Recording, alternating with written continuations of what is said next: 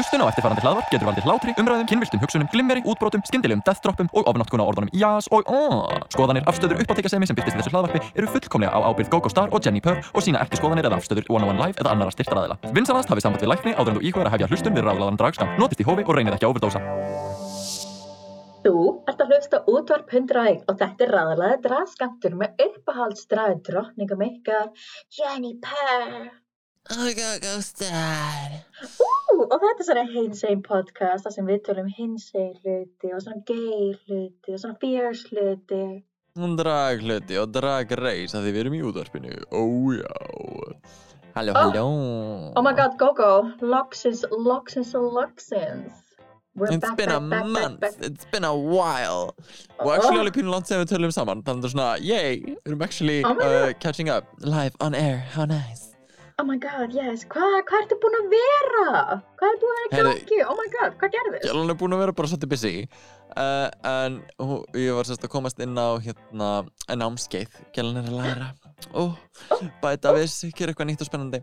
En uh, sem- bein tengist drægi að því að ég er að uh, gerast sérst aðtapnastjóri hjá Siðment og er sérst í námskeiði fyrir aðtapnastjóra og þið veit ekki hvað það er að þá er það sérst að ég get farið að gifta fólk og þú veist, verið með nafnagjafir og svona í sérst God, svona trúarlausum aðtöfnum á vegum Siðmentar uh, á bara komandi ári og eftir alveg nokkru mánuði af námskeiði. Og næs. Þannig að Oh það stendur God. til og er á svona er í kortunum.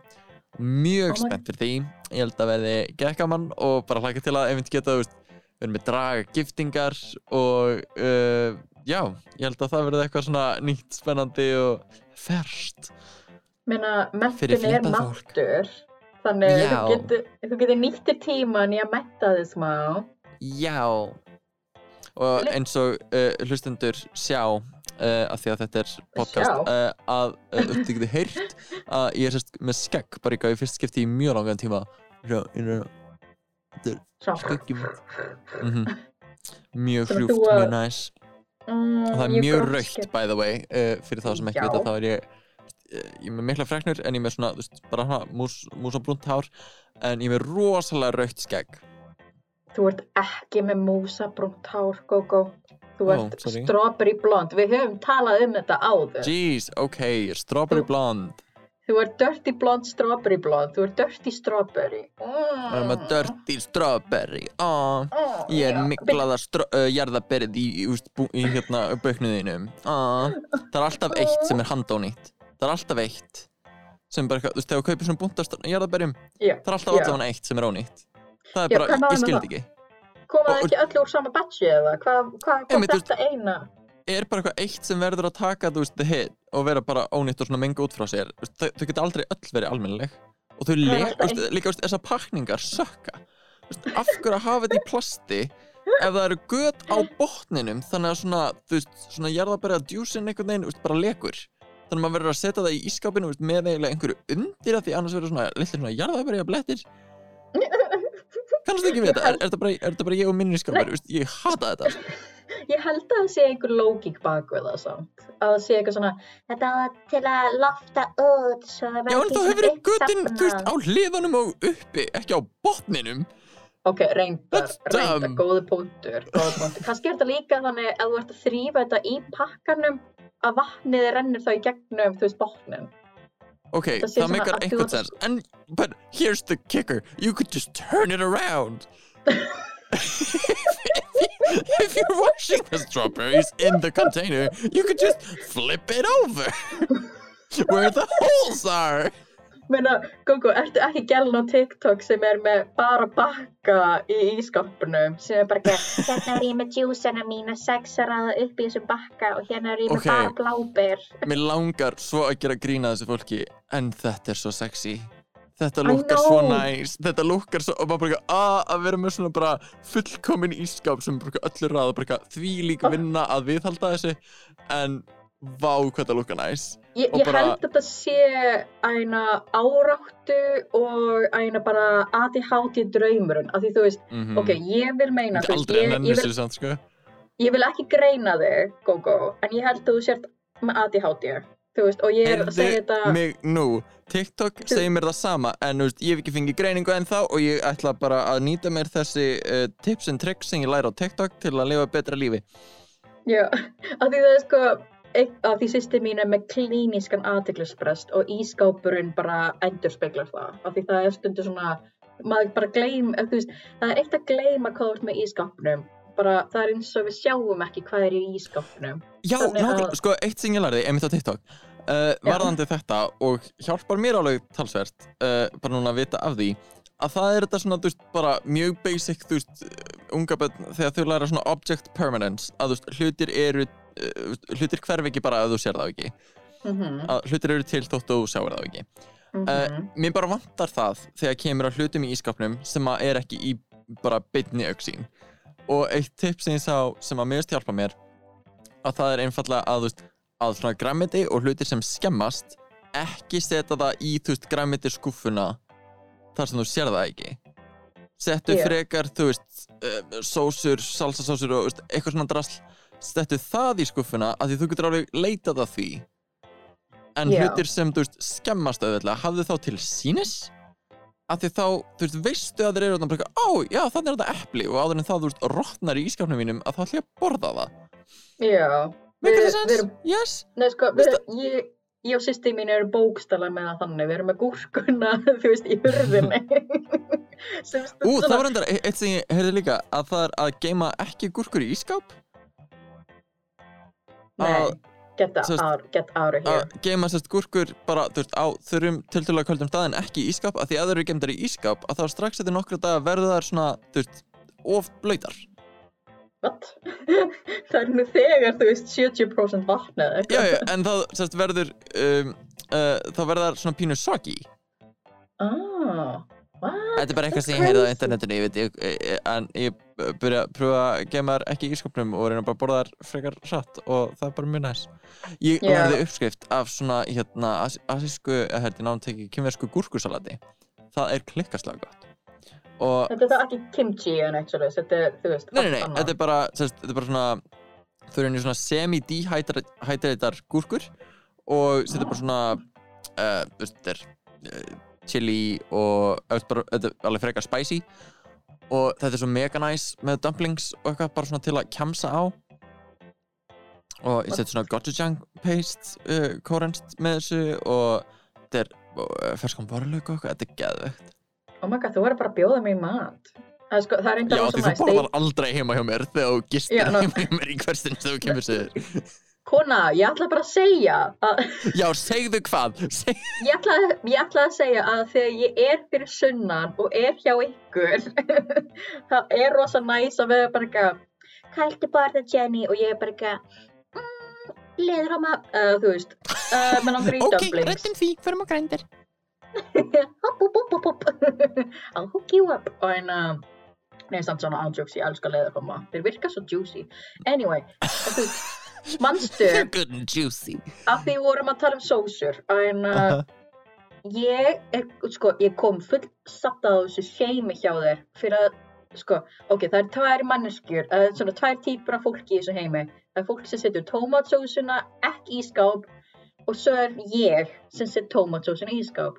Ok, sko, here I am, ég án jokes, ég bara blöskraði í eldhúsinu mínu. Ég tók Libby's tómatsósuna mína því, að- því að ég er ekki uh, fucking snob sem fær, þarf að fá mig Heinz eða Heinz eða þú veist, tómatsósuna ég fæ mér Hvað er Libby's það snobb? Það er, allan Nei sko, ok, ok, það er ann, önnur saga. Minn fyrirverandi sheimaði mig fyrir að ekki velja ákveðna tómatsósu. Hann var bara ekki, ég get ekki borðað þessa tómatsósu. Ég bara, hvað meinar, þú? Getur ekki borðað þessa tómatsósu? Hann var bara ekki, þetta er ekki Heinz og ég var bara ekki, ertu ekki að djóka? Og ég þurfti að fara að kaupa aðra tómatsósu. Ég meina það er alveg til vondar tomatsósur, sko um, Það sko, Eh. það, ok, anyway, á tómatsósunni minni stendur geimist í, ískáp. Svo ég vil bara hér og nú, GóGó, ég vil að byggðist afsökunar fyrir að seima mig og fjölskyldum mínar og, og kýrnar mínar fyrir að geima tómatsósunni í ískáp. Já, ég, ég hér með byggðist innlegra afsökunar á uh, þeim kommentum sem ég hef skilið eftir á þínum fjölskyldumyndum uh, þar sem ég tala um uh, hv- hvernig geimslu tómastósu skal, skal haft og ég er samt uh, ég, ég byrðist afsökunar að hafa uh, valdið þessu uppnámi en ég stend samt smáður með, uh, með þeirri skoðun minni að uh, mér finnst að tómatsósa eigi ekki að vera í nýskap uh, mist hún mist, óð, þetta er ekki kælivara allána flestar típur uh, svo ég viti til. Og eru almennt ekki geimdar í kæli þú veist til þess í verslununum og uh, þú veist, líka þú veist, ef að ég gæti komist upp með að geima til þess koktelsósu ekki í skap myndi ég gera það. Að því veist, mist, mist kaldar sósur með til þess frönskum og uh, þú veist, með hambúrgara eða eitthvað eh, eða á pilsur, þú veist, mér finnst það ekki málið. Mér finnst það eiga að vera volkar mér finnst það mun betra. Ok, en þú veist, hún verður samt volk þegar hún er búin að fara á diskinn. Þú veist, ískápurinn er ekki frost. Anyway, þetta er Ó, hins eginn podcast þú er ekki uh, sín saman það New Renovation sko, uh, ég tók upp salsa sem var svona uh, efst og aftast einhvern veginn um daginn það var bara, það var bara við frostmark það var bara svona crunchy það var mjög næs Og það er ískápurinn þinn. þetta er hins eginn podcast. ég get bara sósur. talað út frá minni eigin reynslu og þetta er bara mín hýra reynsla með minn hýra ískap og ég vil ekki heyra meira um þetta Ok, ég ætla ekki að invalidata þinn hýrleika, en mm við erum daldið smá öfug hérna. Vi, við erum allir mjög fjölbreytileg. En, en þú veist, ok, förum aftur að aðtapnastjórnun. já, já, það Við vorum að tala um það. Ok, sko, getur við þá hvernig fóru út í hótað tómatsól fólki? allan Ok, getur við þá hóta fólk í að bara gifta þau hér og nú? Þannig ef fólk eru með læti eða eru bara í miðjum sleik í dragsjói, eða þú veist á dragsjói, þú veist í salnu, get, og getur þú bara stoppað þau og verið bara eitthvað, ef þið hætti þessu ekki, þá mun ég gifta ykkur. Já, það, það er bara framtíðin Ég held reyndar að veist, ég þurfa að fá þau til að bæði þú veist, segja já eða eitthvað svo leiðis En ég meina, ok. þú veist, þeir drukki, drukki fólki ég held að, ég held að sé nú ekkert of vel veitt Þú veist, þegar maður er í drægi með mikrofón fyrir framann fullt af uh, fullu fólki ég, þú hefur, þú ert almáttugur. Og ég held að all, þú getur bara eitthvað, ok, s- bara eitthvað, þegar ég segi go go, segir þau já, go go, já, go go. Þeir eru öll gift. Þeir eru öll gift Getur það að vera aðtriði? bara eitthvað, I do, do you love me? I do, okay, now you're all married. we're all married now haha We're all in this together. and now I'm gonna Monogamy divorce in you and this take all your economy, money No way. haha Uh, svo þú verður bara eins og skipstjóri, bara með hárkollu. yes Já. Captain Sem er Go-Go talað- setting sail Sem er bæðið veg, þú veist, ég hef aldrei fattað þetta að skipstjóra geta, þú veist, gift fólk. Uh, þú veist, að því það er alltaf að tala um að það sé ákveðin svona homofóbía hjá sjómönnum, en þú veist, þegar yfirmaðurinn getur gift þig, þú veist, maður er bara eitthvað, þú veist, I would be, þú veist, hver, þú veist, er það ekki aldrei sös? Er það ekki aldrei grunnsamlega, ok? hmm. Hverju hýrir sjóræningar hér á ferð, þegar veit ekki Nei, þú veist, það var alltaf talað um að sjórningja varu mjög hýrir. Þú veist, þetta er, þú veist, falla fólk, af því þú, þú veist, ertu með eitt auga, ó, setja það auglhlepp, ertu með, vantar þið fót, fáðu stöðfót, þú veist, sjórningja. Fílaru tippi, kottu með uh, Farða plankan henni, sissi það plank. Oh my god. Gay? the queer person myndi taka the whole plank up their butt That's what it is Mm, Jono. No splinters here What? Ok, en Gogo, gerðir þú eitthvað á bóndadegi? Nei Ok, hverju ekki? Hvernig dyrfist þú? uh, Þú uh, ert trúlofið? Jú, ég spilaði D.O.D. held ég Ég held að það verið. Ah. á bónda þig Um, um. Það er eitthvað um, Mér finnst þetta að breyta bóndadag yfir í bondage dag. Það er framtíðin Það er Það, framtíðin. uh, konudagur Það er þá um, Ég veit það ekki ég- um, Fræði dagur, ég veit ekki. en, en talandi um bóndadag, konudag, það er umræð um að hafa dag fyrir fólk sem er ekki endilega, þú veist, í þessa kynjatvíkju sem Mhm. er, þú veist, sem, you know, er kynsegin að hafa þá svona kvárdag minnst það bara briljant til að ég sá, ég sá þetta fyrst á hinseginspjallinu en mér skilst það svona átt sinn uppruna, uh, uppruna á uh, Twitter. Já, ég ætla íslenska að Twitter sem að allir að þessir fyrst sjö manns eru á. En, uh, en vist Sjö alveg logar endalust oh ég er bara, er bitur á því ég er ekki annað eða eitthvað innan ekki en ég veist það sé gott stef. En mér finnst það ógæslega góð hugmynd að þið verum með hennan svona kalladag og konudag uh, Mhm. Og að vera þá með sérst kvárdag og uh, bóndadagur og konundagur eru á sérst fyrsta degi gamla uh, mánadagatalsins Já, uh, þá sérst góu og Góu. eitthvað svoleiðis. uh, og næsta, Góu, já. næsti mánuður sem tekur við af því er einmánuður þannig Já. að uh, bara mjög viðandi að fyrsti dagur þeir, þeirra mánuðar sé kvárdagur 22. mars, þannig að taki daginn frá og uh, já uh, fagnið öllum kvárunum segið það ekki uh, og notið uh, öll kynlutlösu fórnefnin á bara alla þann dag Já, ég myndi líka segja bara að celebrate að fólk er ekki endilega, veist, það sem er í buksunum, skilgrinn endilega hvað þau eru með í kollinum. Þú veist, veist þeim myndi svo fyndi hvað fólk er með svo obsession yfir, þú veist, klofi hjá manni. Að því Mm. sko, ok, ég ætla bara svona realty, uh, hefur þú einhver tíman verið uh, bóðin í svona, svona genital reveal party? Þú veist, það er verið að segja líffræðilega kyni á barninu þínu, eða barninu einhvers. Veist, sem er oft kallað uh, gender reveal party Já. sem er svolítið bara eitthvað hann er með tippi uh, sem að þarf ekki að segja allt en nei, ég hef aldrei verið partur á svo leiðis Já, ég hef aldrei verið bóðin í svoleiðis og ég er svo fegin. Ég, held, ég hef farið í eitt baby shower um, og það var alveg gaman sko, en það var ekki obsession yfir kyni á barninu. Ég held að ef, ef að við myndum mæti eitthvað svoleiðis væri maður veginn út í hotni og ég veit ekki hvað að reykja í þessu scenariu en út í hann bara "Uh, Það að barnið sem er bíkuð nú ekki að segja til um að þetta sé kvenkins, muni skilgrens sem kvenkins þegar þetta kemur að því sko. Það er allt, eh, þetta eru uh, samfélagslegi staðlar og, og, og þarf að vera að fagna því með einhverjum bleikum borðum hér. Mm. Svona svona ánsjóks þegar einn samstarfsfélagi minn var bara eitthvað, getur unnið fyrir mig svo ég get farið gender reveal party hjá vinkonni minni? Og ég var bara eitthvað, hvað er hún að tilkynna kyn sitt? Og svo bara, ó já, hún er ólétt. Uh, þetta. Sko við þurfum að breyta þessu þannig, að- þetta er einstaklingurinn gerir þetta sjálfur þegar hann er átján eða eitthvað. Ó svona, já, við þurfum að gera þetta svona Sweet 16 uh, er svona gender reveal og þá Ég- getur fólk líka komið út sem þú veist cis og straight uh, og gefið þeim smá svona moment til að vera ó, ég, ég gefið þeim smá aðtikli að þau þurfa aðtikli já, no, apparently. Apparently, see Drag Race allavega.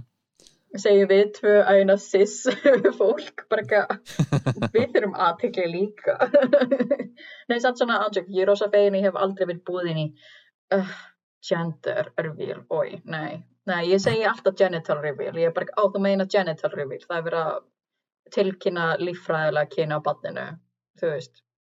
Barni, af hverju fæ barni ekki ákveða neitt? En anyway. Þannig að hvárdagur 22. mars.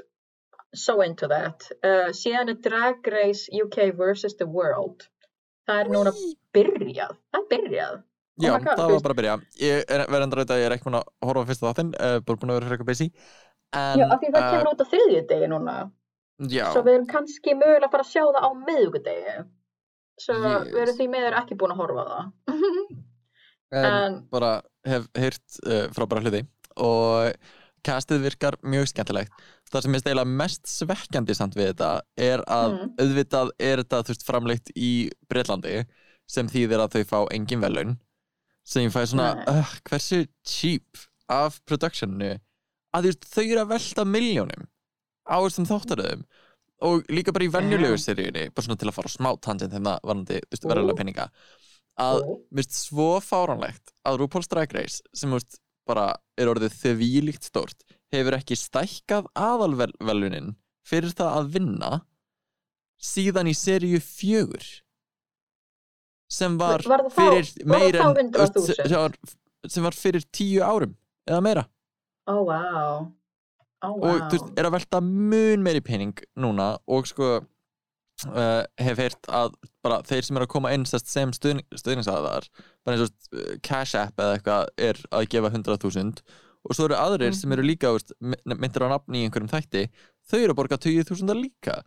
Veist, í verðlaun damn. sem að þú veist, skila sér ofta ekki uh, beint til keppandana.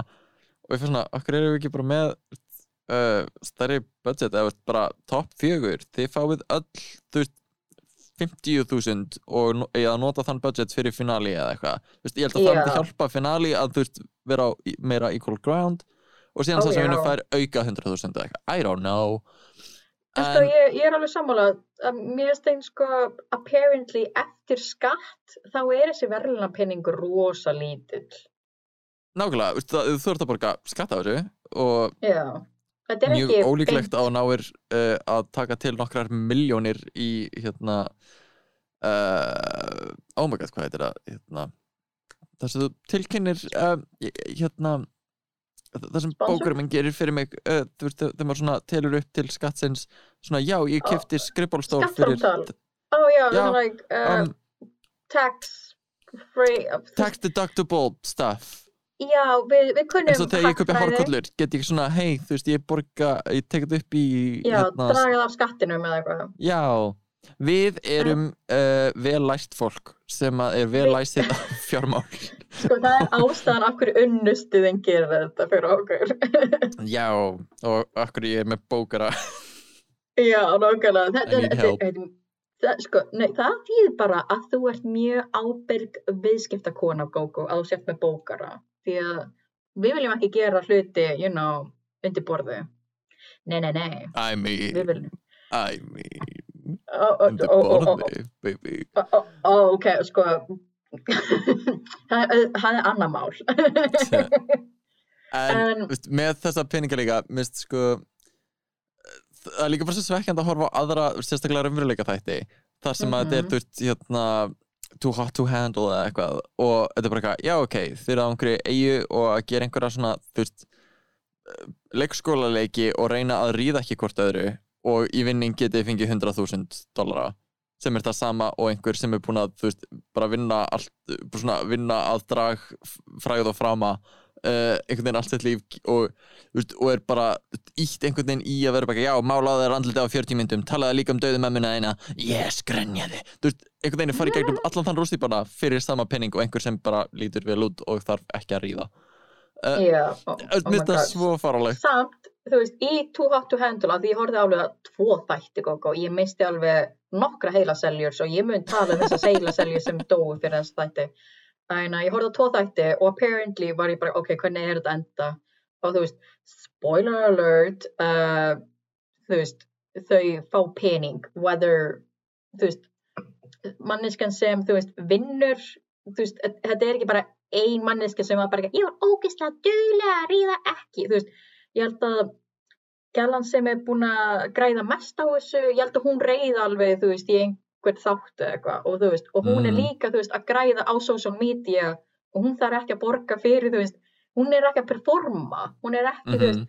þú veist, jú, jú, það, ég, ég ætla ekki að dismissa, það er alveg mál og vinna að posta reglulega á samfélagsmiðla og, og vera skrudnæst af, þú veist, óraunhæfum kröfum og stöðlum, en þetta eru staðla sem þú ert búin að setja á þig og, þú veist, you know, fjármagnað í, þú veist, uh, toxic standardin á aðra kvennmenn. Svo þetta er svona, ok, you brought it to yourself.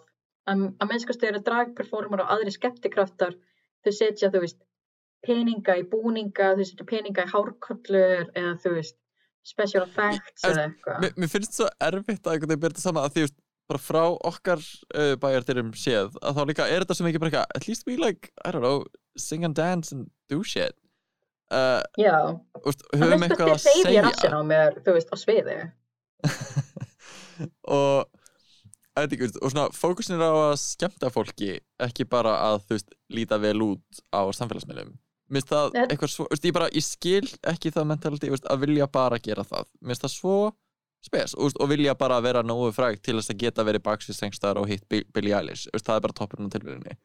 Að ge- geta veist, gert línu, uh, bara að taka kokain með einhverjum frægum er bara, fokk já, ég er að lifa lífinu. Mér finnst það svo, uh, ekki það sem ég vil gera.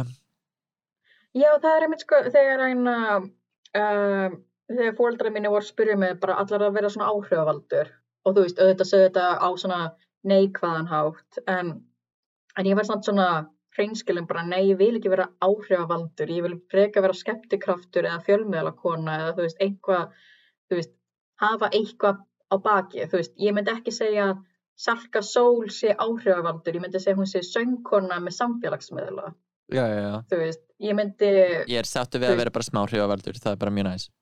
já, þú veist, það er líka það, þú veist þegar þú ert bara svona smáhrifavaldur þá ertu með uh, genuine uh, hópa fólki sem líkar vel við þú ert ekki bara með fylgjendur sem eru að followa þig bara til að followa þig eða followa þig af því þið hata þig það er það sem Ég þú er bara með fylgjendur af því þið vilja ríða mér, sko.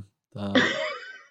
sérstaklega eftir að nýja hana brjóstasmekk sem þú Já, já, já, með nýja brjósta titty-baby mitt, sko. Það, getur við talað um hérna- hana brjóstasmekka eins Já, að- uh, hann my er God. glænýr uh, og þetta er svona þetta er svona brjósta silikon uh, rúlukrabólur sem fer alveg, þú veist, Ú. un unclockaból passar gett vel í hú húlitin á mér ég er mega sattur uh, fyllingin í brjóstanum er svona um, einhvers konar uh, silikonkótaðir fibers þannig að það er ekkert jiggle í þeim en, Nei, en þau eru mjög alveg-. Já, er alveg svona nice to the touch og sko þessar nipplur á þessu apparati eru svona rúm Ó. sentimeter í hvort nippla og bara, veist, Já. þetta er svona barna gjafabrjóst og ég á Já. ekki mikið af fötum sem að eru hönnuð fyrir svona stór brjóst uh, sem að er bara algjör syndorskam þannig að ég þarf að gera eitthvað í því. En ég var sest í uh, sjónvars upptökum um daginn. Oh my Og- god uh, Secret Project. Oh my Við erum spennt fyrir make-up secret. kefnistætti þar sem að ég geri eitthvað appearance. Ah, á uh, á komandi mánuðum. Spenná ég, það var seriously ógæslega gaman og bara Oh get ekki við eftir að sjá það og það, þar er ég með brjóst og ég var, fekk þau sérst daginn áður en það er upptökur átt sér stað.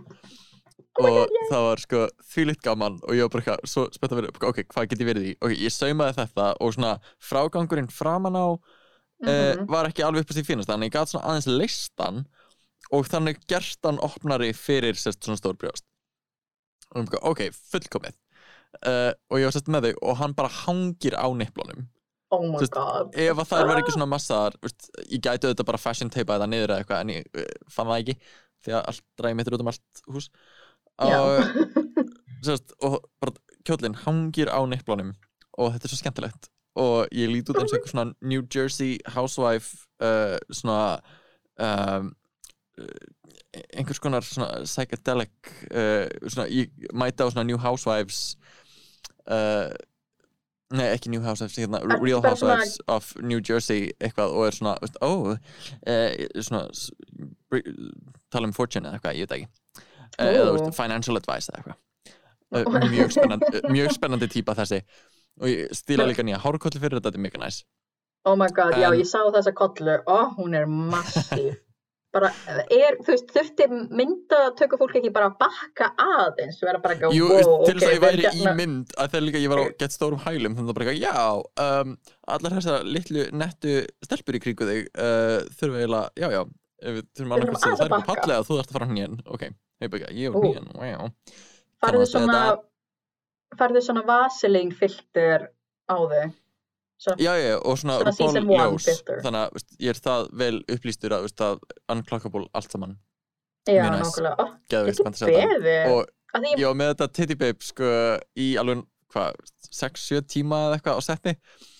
Damn, og það alveg svona þrengir að og er alveg svona frekar þungt.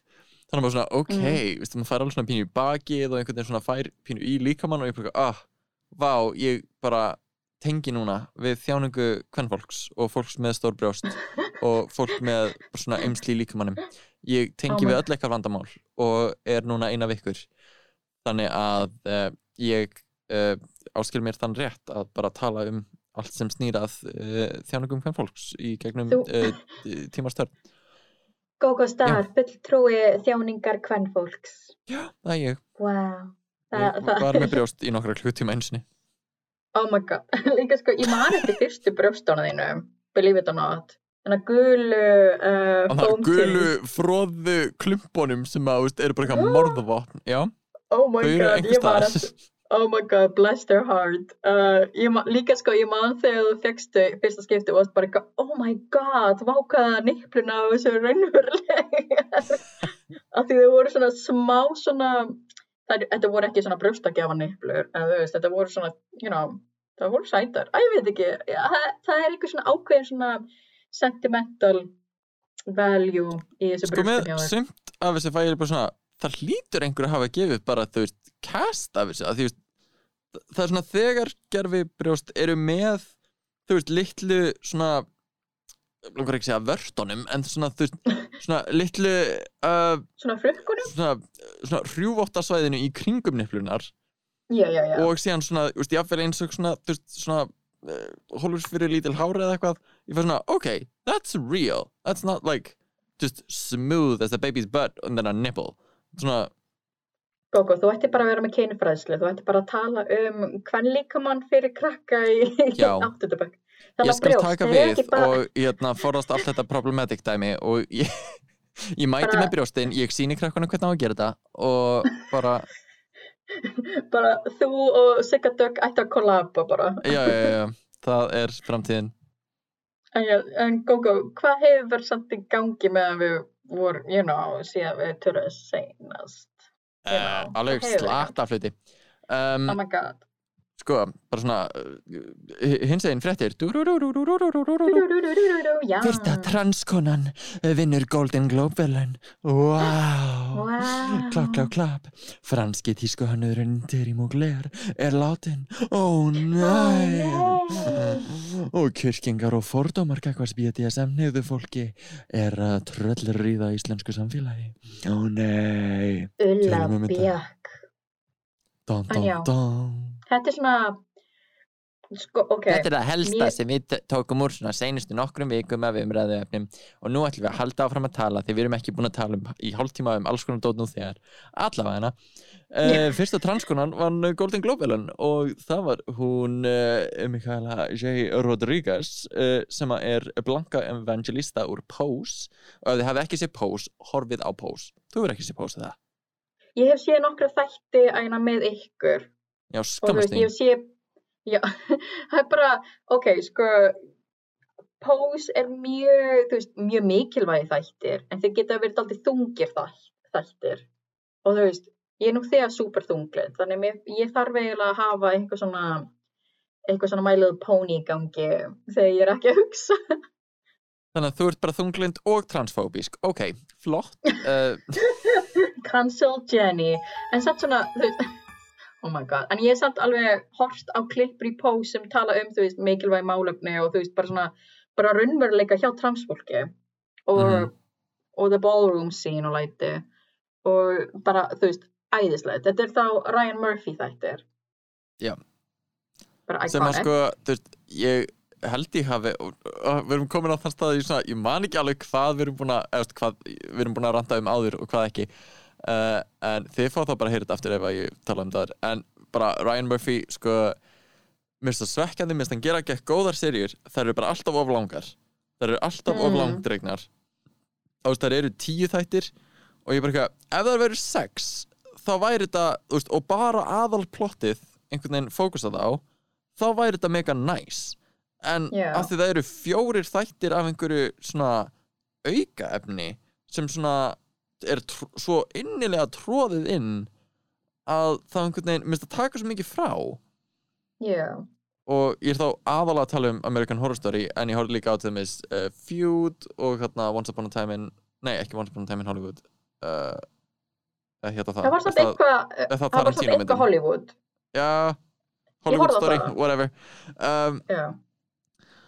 og Real Hollywood Stories kannski Veist, það var Uh, eina, það, það var einmitt, þú veist, ég veit ekki hversu, uh, ég einmitt hám horfði það, svona binge-watcha það og ég var einmitt bara eitthvað, ok, þetta er nákvæmlega, þú veist, að ég veit ekki bara, eh, þú veist, sögulegu karakteranir og líka bara að það sé svört kona í aðalhlutverki og maður bara eitthvað, og það er talað um einmitt rasisma, uh, fordóma, gagvert, þú veist, hins egin fólki og ég fekk bara svona, oh damn. Sko, ég man eftir sérstaklega einu uh, úr þessu sem ég fannst mjög um, spes. Uh, að það var að einn af svona aðal gaurunum hann uh, er basically þú veist, að selja sig en það er svona null adressa sem neins, konar vandamáli eða eitthvað sem bara veist, fínt bara fyrir sem að er það svoleiðis, glæsilegt. En hann sérst sva- svaf hjá uh, gammallir svona ríkri konu sem langaði í einhvern svona young and hanky spanky gaur og bara flott, frábært. Uh, hann sefur hjá Pætli Pón, cool. Og síðan á Pætli Pón dóttir sem er rosalega hrifin á honum og þau enda saman og svo svona þegar kemst upp sást ég á mömminni ok, og það er bara svona minnsta vandamál í heimi og bara eitthvað aldrei brought up sem neinskonar svona issue sem er fyrst svo fyrirlegt að þetta er bara svona the cornerstone af svona konflikt í hérna mynd sem að ég horfði á rétt á undan því sem var að koma þessu um tíma hvað, Agnes uh, mm. íslensk mynd uh, Já, já, já, sem að sem að Donna Cruz leikur í Já, sem Donna Cruz Já. er aðalhluturkeið og þetta er stór partur á plottinu og þá er einhverja, já, ok ekkert vandamál hér, Ég held að uh, sé- En já, ég var að ranta um uh, Ryan Murphy og Já. uh, Pose er engin undanþækning í þessu í öllum Pose-seríunum, þær eru allar fleiri en tíu þættir og mér líður eins og að maður gæti verið bara svona góður sex Já, uh, að það er alltaf einhver svona subplot og svo byrja að fylgjast með einhverjum öðrum karakterum uh, og er karakter eru rosalega inconsistent. En ég myndi samt segja að veist, það verður betra og betra eftir því sem dregur á seríuna og bara veist, karakterinn verða veist, bara ríkar og ríkari. Sérstaklega einhver eins og Blanka sem að sko einhvern veginn byrjar um, svo nálagt botninum bara í Mm. sínu lífi. Og maður sér hana bara byggja upp og verða veist, meiri og meiri uh, bara veist innblástus karakter fyrir þetta samfélag sem er svo innilega raunverulegt og maður tengið það svo harkalega við eins og veist, Paris is Burning og uh, þessar veist, sögur og þessar heima sem að, maður hefur fengið að kynnast. Þannig að Já. ég myndi segja bara skildu áhorf sko. En einmitt eins og segja, þetta er svolítið þungt þannig að kannski bara í uh, minniskamtum ég myndi þeim að segja að það sé brjálu söguleg gildi þú veist í pose sem við ættum öll að vita af. Og líka bara svona að því fólk talar um að transfóbía er ekki til lengur og læti að þú veist það er ekki þú veist við erum öll svo jöfn og Ísland er æðislega staður til að vera og ég fæ bara svona gaurar það er byggtíminn fyrir aðgerð fyrir transkonur er búið að staðna þú veist það er búið að lengjast ef eitthvað. Þú veist eitthvað sem ætti eitthvað sem er vanalega, þú veist, tvö ár í beðtíma er að varða, þú veist, fjögur ár eða eitthvað. Og þetta er bara Mm. svona, þetta er orðið svo crazy og líka bara að fólk sé ennþá bara að verja J.K. Rowling með Mhm. transfóbíuna sína og ég fæ bara svona, krakkar, hvað er í gangi? Það er svo fáránlegt af því að uh, þegar kemur að þessum fordumum og sérstaklega bara, þú veist, talandi um J.K. Rowling að Mhm. þá er þetta líka ef þú ert að horfa fram hjá því en þetta í dag að þetta sé vandamál og sé ekki að hafa skadaleg áhrif þá ertu viljandi að horfa fram hjá vandamálinu Nákvæmlega. Veist, það er svo greinlegt að bara, ofbeldi gegn transfólk er búið, að rjúka upp í Breitlandi á senustu árum og eh, það er svo bein tenging þar á milli og þessu, þessari umræði bara sem kemur Mhm. beint frá veist, áhrifavaldin um J.K. Rowling Já, mér finnst líka sko að því ég ákvaði með daginn að skoða þetta með MJ Rodriguez að því ég var bara eitthvað, what, er hún virkilega fyrsta transkonum til að vinna Golden Globe, what, og hérna, ekki, var ekki Courtney Cox þannig að Nei, ekki Courtney Cox eða Laverne Cox, Já, ég, ég, hérna, ég, ég, var, að- ég var að vísa í þetta grína þaðan já, ó, alltaf að grínast hérna, en já, þarna, Er þetta eitthvað grín podcast eða hvað, hva, nei, þetta er, þetta er graf al- alvarlegt, en svo talandi um graf alvarlega hluti, að því ég var einmitt að gera smá Google search og það fyrstu, þú veist, uppástungunar eða eitthvað, er alltaf talað um, þú veist, is there a real woman, er alvöru kona í pose, og ég fæ bara svona, what, já, það eru alvöru konur í pose, og þá er ég Mm. bara eitthvað, þú veist, ég er mínum bergmálsklefa sem bara, ég bara, you know, ég lít á transkonur sem konur af því þær eru konur og það, það er til fólk ennþá í dag sem vil ekki gera, sem vil gera greinarmun á milli transkonu og, og þú veist, cis, sískinja konur. Og ég fæ bara svona hvað, þú veist, af hverju erum við svona obsessed með þú veist, hvað er í buksunum á okkur? Eða þú veist, hvað er hann að milli fótleggina. Ég veit að aðgerðin að neðan er mjög, mjög mikilvæg fyrir einmitt transfólk bara til að geta upplifa sig sem kyni sem þau einmitt bara sem þau skilgrana sig sem og eru þá.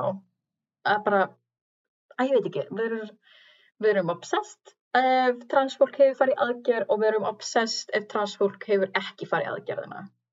Þetta sé, þetta er bara svona ég veit ekki, eh, bara krakkar eh, hættið að vera svona transfóbísk og hættið að vera obsessed með kynfæri Já, það og- krakkar Já, bara svona, uh, þú veist, eins og aftur, genital reveal partíin, maður bara, ég skil ekki. Leifum fólki Ég- bara að ákveða þetta sjálft og útskýra þetta sjálft og skilgrein sig sjálft. Ég held að og hætta að dæma hvort annað fyrir um þetta þegar það kemur okkur bara nákvæmlega ekkert við. Held Já, að var, kemist við hraðar á einhvern betri stað. En talandum að komast á betri stað, franski tískuhannurinn Terry Mugler uh, lest á dögum. Ég er að reyna að gera smooth transition síðan milli. Sorry að ég sé reyna að standa mig í útarpinu. Ok, Þetta afsaki þetta mig að ég sé að reyna að gera fyndnar transitions og þú bara eitthvað hlærðað mér. Ok, allavega, Þetta var, tala þetta var þú mjög um hann. Mugler. Já, hann er franski Manfred Thierry Mugler, hann sem við þekkjum bara sem hönnuður Mugler. Hann lést 23. jan, en hann var stórt nafn í tískuheiminum og við og þið hlustendur hafið eflaust séð vísanir í, þú veist, hannanir hjá honum í Drag Race og bara Ef þið hafið- séð Aquaria í einhverjum fötum þá getið þið reikna með að það sé Mugler eða reference í Mugler. Já, nákvæmlega. Og líka bara svona eins og blessaði kjóllin sem þú þólir ekki, sem Kim Kardashian var í 2019. Kim K. Douched Anus Couture, yes. Já, þú veist, Það mér finnst það fallegur. Þú veist, I like it. Ég veit ekki af hverju þú ert svo mikið mótunum. Mér Kjólnum finnst það þá. bara eitthvað svo þú veist, ég, bara, ég er ekki hrifin af uh, uh, ég, ég, held að sé bara eitthvað, ég held að sé bara eitthvað pet peeve hjá mér að svona, þú veist, nude efni eða svona virkilega sheer efni þegar þau eru svona roost, þannig að það lúkkar eins og sko svona, þú veist húðrykkingar Mér finnst það bara Já. ekki fallegt Ok, ég það reyndi að það. En þú veist, ég held að það eitthvað bara svo fyrirlegt og sérstaklega veist, hvernig þetta svona rooses up like in her vajayjay zone er svo svona þú veist, eins og þetta sé bara eitthvað þú veist, hún er bara lappandi píka og við, með, please, með þessum dementum þannig að þetta er bara svona blöyt píka en get, það lukkar já, það þetta er bara mjög spes. Kans, kannski er það hvað ég er mjög hrifin af þessum kjól bara blöyt píka, ég er mjög hrifin af því. En uh, getur við satt kallað einhvern klúb við JJ Zone við J Zone oh, gorgeous, en þú veist, hann settist í Helganstein svona 2002, en hann var samt stílað þessara, svo veist, allar þessar giðjur eins og Beyoncé og Lady Gaga og Cardi B með annarkvört sér hanna, hannanir eða svona ready to wear af runways. Og og ég held svona, mín uppáhalds runway eru svona 95-97 ár þannig tímabilin. Mhm. bara, og þú veist, og mér finnst að hann sé ennþá í dag relevant. Þú veist, algjörlega, ég held að stór partur á þessi sé líka uh, hann og fleiri voru alveg svolítið mann langar að segja undan sínum tíma en á saman tíma við værum ekki þar sem við erum í dag tískulega sé að það hefði ekki verið fyrir þetta svona what the hell uh, á, Já. in the 90s þannig að ég held að mikið af hlutum bara á enn þá við að þeir eru gorgeous og svona bara timeless Algjörlega. uh, kemur að þessu og mjö, mjög mikið er endalist svona referensað og regurgitatað jáfnvel á þann point að fólk veit ekki hvað er verið að referensa en þá uh, í dragheiminum þegar kemur það bara svona veist, fitted nude og svona diamond uh, gowns og bodysuits tengi ég líka yeah. veist, við múglegar uh, og svona brynjur tengi ég líka við múglegar já, og já, bara ef þið veit ekki uh, bara hver þetta er eða er ekki að tengja uh, bara the impact að endalega googlið og fáið innblástur og gera eitthvað magnað algjörlega og endilega bara YouTube bara runway shows já Mugler, af því það, þetta eru bara sýningar svona Ég ándjóð mæli svo innilega með líka bara almennt að skoða runway shows uh, ef þeir eru draglistamenn eða bara listlistamenn eða eitthvað bara fyrir innblástur að því maður getur einhvern veginn lokast svolítið í bara já þetta er það sem ég vil en það hjálpar alltaf að svolítið bara sprengja það upp skoða eitthvað og ég er uh, mjög sammála RuPaul uh, sem að sagði í úst, þar senast að þætti eitthvað úst, þú þarft ekki að finna upp hjólið. Uh, bara ef þú sér eitthvað Já. flott hennundu bara eftir, það er alltaf læg bara vertu í uh, þeim, föt, uh, bara því, þeirri silhouettu og þeim fötum sem þú vilt vera í og lætur þér líða vel og flattar eftir henni svona silhouette.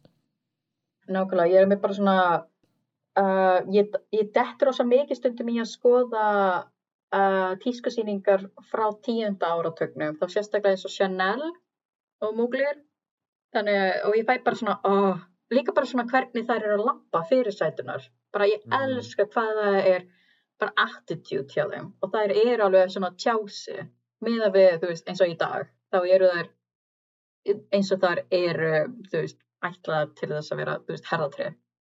En þú veist, Mhm, eða, veist, á og bara svona áratug- stone cold í andlutinu og bara svona graf alvarleg og ég eitthvað, það vantar svona the diva?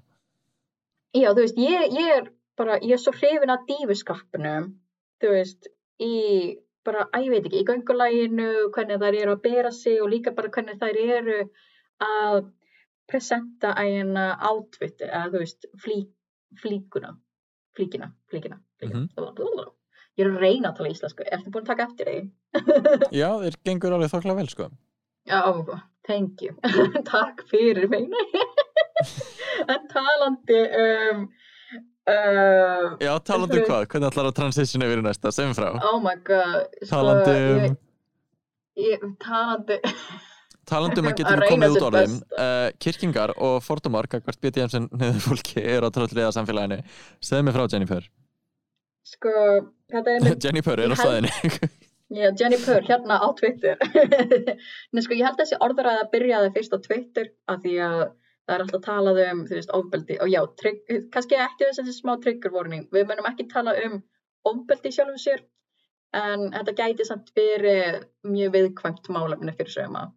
Þannig að, fyrirgefið. en, en samt svona orðræða gagvart BDSM fólkinu er að mínum að þetta er bara ofbeldi, bara fordómar og að því það er verið að meina að BDSM um, neyðin í sjálfum sér. ekkert, sé ekkert annað en ofbeldi og þú veist, óheilbreyð höfðun og og þú veist, ofbeldi gagvart konum, það er alltaf talað um að Mm. konur geti ekki veitt samþykki í BDSM sem er enga megin, þú veist, mín upplifun eða upplifun hjá flestum sem ég þekki sem eru í BDSM samfélaginu. Þannig, þú veist, og ég er ekki BDSM neyð, ég er bara svona til að koma því fram, en maður hefur alveg gert hluti. en, og líka maður bara þekkir alveg þetta samfélag.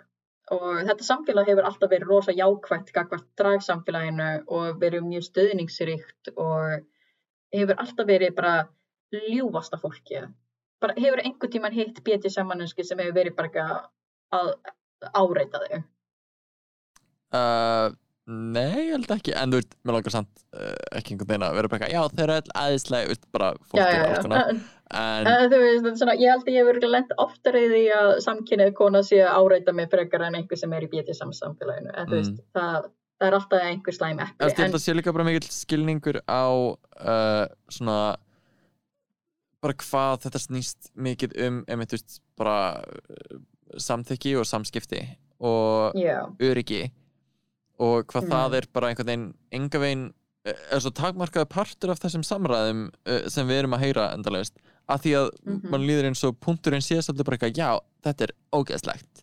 Engin heilbriður einstaklingur myndi nokkuð tíman vilja láta kirkja sig í rúminu. Hvað er að ykkur? Ég, er- ég fer bara í missionary og bara á sunnudum eins og, eins og heilbriður hvern maður, þetta er svo furðuleg umræða. Þetta er sko veist, bara þegar ég vil eignast börn Þetta er oftast sko án þess að gera lítið úr æna róttækum feministum þá, eða, þú veist, þetta er oftast róttæki feministar á móti uh, svona versus uh, sex positive postmoderníska feminista þú veist, og Mm. róttæku feministar eru oftast svona annarkvort að vera upphefja kvenmenn eða þú veist, það er kvenlega þætti eða, eða vilja bara að sé kyn hlutlaust, svona hlutleysi, að kvenmenn séu jafnar, uh, kvenmenn séu jafnir kallmönnum og það sé engin valda ójöfnöður og það er oftast svona miskilningur með BDSM út af dom og sub hlutverkin að það sé að hvern menn séu sub eða eitthvað. Já, ég held að segja ekki bara oftar, uh, oftast er svona uh, almennt skilgreindi, þú veist, svona kvenlegi einstaklingurinn í svona einhverju, í, bara byrðir sem sambandi uh, er oftast sá sem að er uh, submissive. Og ég held að Já. það sé bara einmitt almennt tengt upp eitthvað, nei þú veist það má ekki, það er ekki það sem við viljum. En það getur verið svo mikið vald í því að eigna sér það. Og Já, algjörlega. þannig að, að því, mista sem veist, umræðum. líka bara karlmenn geta alveg verið submissive í sambandinu þú veist, í hlutverkinu án þess að það sé neikvæða hlutur. Og mér finnst einmitt svona þú veist, ég er einmitt meira hliðinni að upphefja kvenlega þætti, að það sé ekki neikvægt að vera uh, undirgefin. Og líka að það, að það sé ekki kvenlegu hlutur að vera undirgefin í sjálfum sér. Heldur Mhm. bara, þú veist jú, ég skil að þú ert búin að vera alla þína æfi að berjast fyrir jafnbretti og það sé komið í jafn þú veist, að komið komi fram jafnt við þig eins og við aðra kallmenn og það, sért ekki endalaust svona uh, undirgefin og eitthvað. Og síðan er fólk, þú veist, unga fólkið þetta gasp, að þau séu í einhverju BDSM sambandi. Oh my god, þetta er bara ofbeldi gagvart konum, þú veist, svona ég skil hliðina þeirra en mér finnst orðaræðan sjálf vera mjög skadaleg fyrir þenn, sérstaklega þennan jaðarsetta hóp Já, líka bara einkennist svolítið af því að fólk er bara búið að ákveða uh, hvað því finnst uh, um þetta mál Já, og er ekki að, veist, skapa umræður til þess að læra meira eða, veist, heyra aðrar skoðanir. Það er bara til að koma sínum skoðanum á framfæri uh, loka á allt annað og standa, veist, fast í jörðina. Sem einhvern veginn já, það er pointless. Og Já. Líka þegar kemur að umræðinu eins og þeim hvernig það var sett fram í og eitthvað er mjög bara lokað, þetta er svo bara augnblöðkur á og við ætlum að horfa beint í myndavélina og segja það sem mér finnst og ekki eins og Já. pæli því sem mannskjan sem situr við hliðina á mér er að segja. Veist, það er menna kastljós er bara gasljós. Svona, nei, satt svona átjöks þetta er orðið bara, þú veist, fólk kallar kastljós bara, já, þetta er bara orðið gasljós, þegar maður pælir því.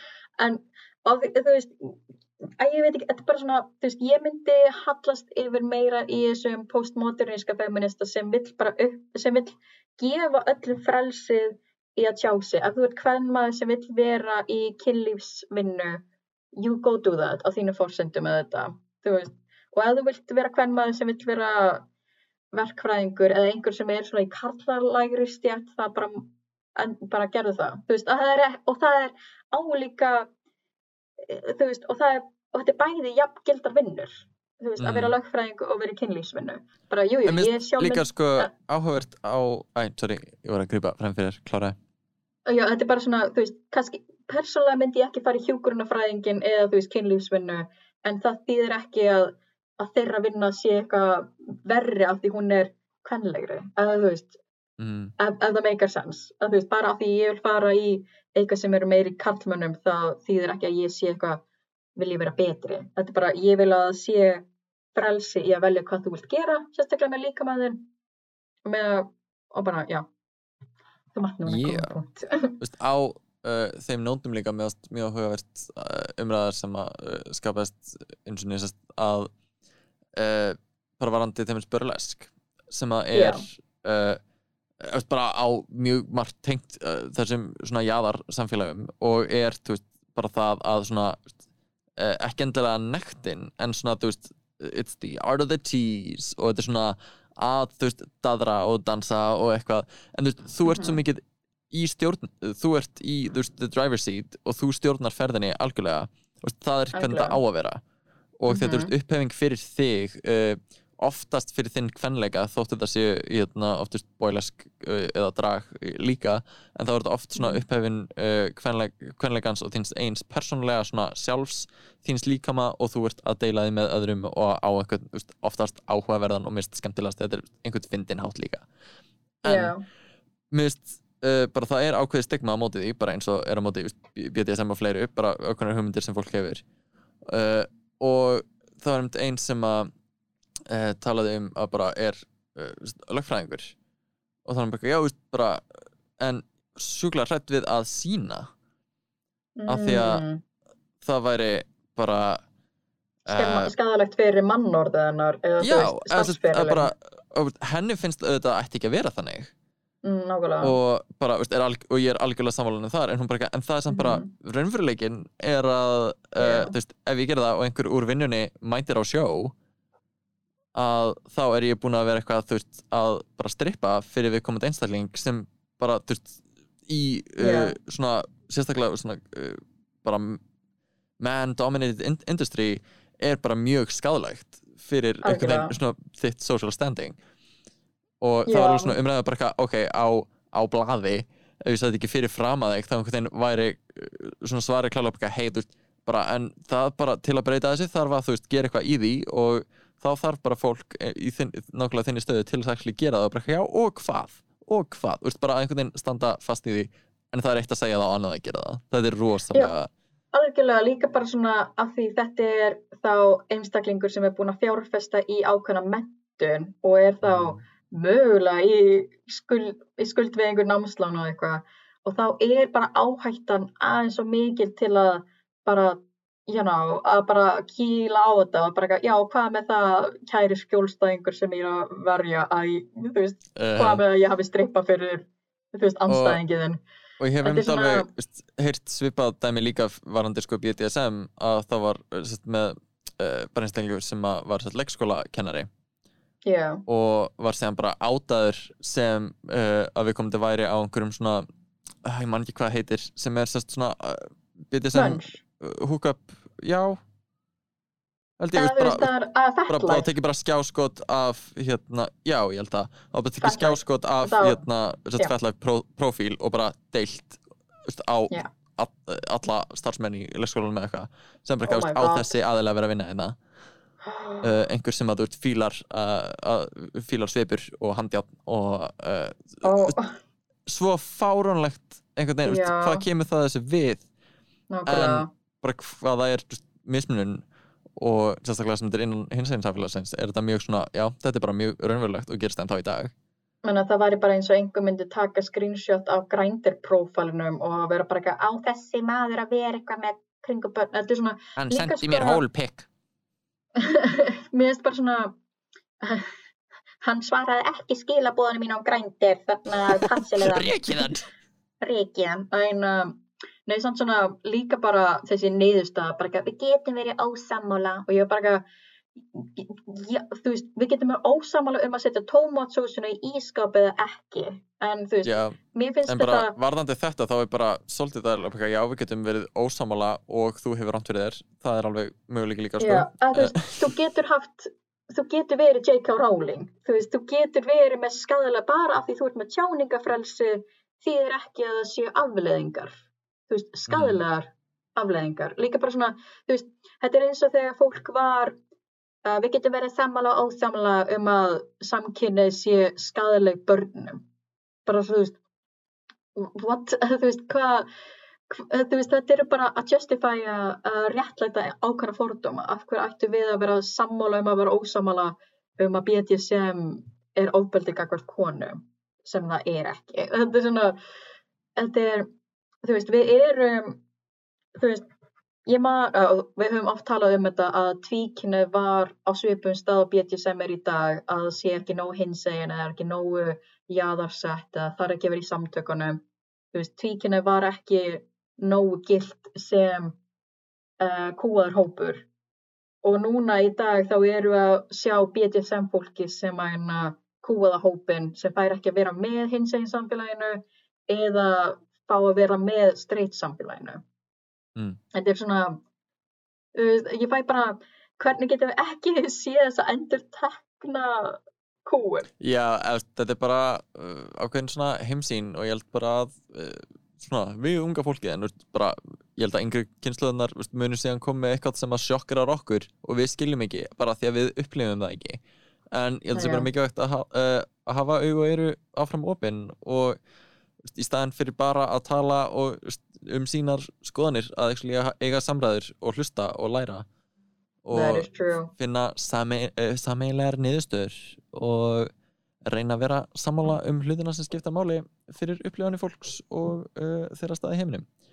En Já, einn partur af þessu BDSM máli uh, Mhm. sem að við erum lítið múin að snerta á er veist, hvernig uh, bara aðal málið sem að uh, var verið að tala um til dæmis í kast, kastlösunni er veist, á að kenna börnum þetta Já. uh, á að vera með svona kynfræslu í grunnskólum og eitthvað og sko- uh, góð með skoðanir sko. uh, Gógó með skoðanir. Hvað, hvað er En- skoðan þín í gógu? sko að sjálfsögði og eins og kom upp að þá var til dæmis kirkingar og eitthvað uh, og svona breath breath uh, Breathplay. playing og, og, og all, Já. alls konar svoleiðis það var bara rætt út frá spurningum sem ég veist Já. make a sense veist, viljið þið frekar að viðkomandi veist, krakkar sem að er að pæla í þessu eru veist, líklega að bara með einföldu googli að leita sér að upplýsingum eða horfa á klám eða eitthvað viljið þið að þau hafi bara þær upplýsingar eða viljið að þau geti raunverulega átt samræði við alvöru einstakling sem getur útskýrt það fyrir þeim auðvitað viltu setna Þú ert að vera galinn til þess að vilja ekki að bara séu fleiri upplýsingar þarna úti þannig að fólk sé ekki að stefna sér í hættu. Nákvæmlega. Voru, var þetta að þau þá... skilji veist, hvað þetta er, þú veist, bara samskipti, öryggi og allt það varandi allt BDSM en líka bara almennt varandi uh, kynlíf og, og kynfræðslu að séu með þær upplýsingar á hreinu og viti að þau geta spurt og fengið svör en ekki bara svona uh, Var þetta þá út frá spurningu sem Sigga Dögg fekk þá? mér skilst það að þetta er ekki bara glæranúmer uh, glæ- glæranúmer fjögur uh, hérna uh, kirkingar uh, úst, kom, komdu hérna Billy minn, ég ætla að kirkja þig hérna. Svona gerir þetta krakkar, það er ekki hvernig þetta virkar en þetta, er eru nákvæmlega sömurög og er notað á móti sko bara jafningafræðslu hérna frá samtökunum. Þetta er nákvæmlega sama, bara af hverju er verið að kenna bönnum hvernig það var ríði rassinn, úst, það er ekki á glæru 5 Nei, það er ekki bara já, svona dúsjaru og þetta er meira bara Gætir þú ímyndaðir, þú ert krakkin sem ákvaði annarkvort að spyrja anonymously eða ekki Sigga Dögg hvernig á að gera kirkingar eða þú veist hvort það sé lægi eða eitthvað, ég, ég var ekki á staðinum þannig þú veist, getur ímyndað að vera krakkin og það bara núna er þjóðin að tala um þú veist, kinkið þitt eða þú veist, mögulega BDSM neyðina þína. Þú veist, viljum við að krakka sé í skápnum með þetta, viljum við að krakka sé þú veist, í einhverjum einmitt skuggaklám, þú veist, toxic kláms, þú veist, Mhm. skadalega klámi, þú veist, og bara með einhvern veginn engar upplýsingar í, hönd, uh, í höndunum og Já. bara sér klálega málið að þú geta talað um það og veist, jú, þetta eru alveg erfið samtöl oft og alveg svona svolítið þung og geta verið veist, mjög flókin en við þurfum bara að vera tilbúin Já. að hafa þau og ég held að sé þú veist, bara sumir ná þessari tengingu við fóldrar sína að geta talað um kynlíf og veist, ráð varandi það uh, ég Mhm. persónulega er ekki þar mér finnst það allt of vandrarlegt ég myndi hoppa nuglugan ég já, en það veist, að geta að einhverju leiti veist, tala við kennara eða aðla sem veist, lítur upp til eða vina eða eitthvað án þess að þetta sé veist, það vandrarlegasta í heimi að svona, við erum að taka skrefi þá átt. Og við tvö erum einstaklingar sem að til dæmis uh, að mínum að þetta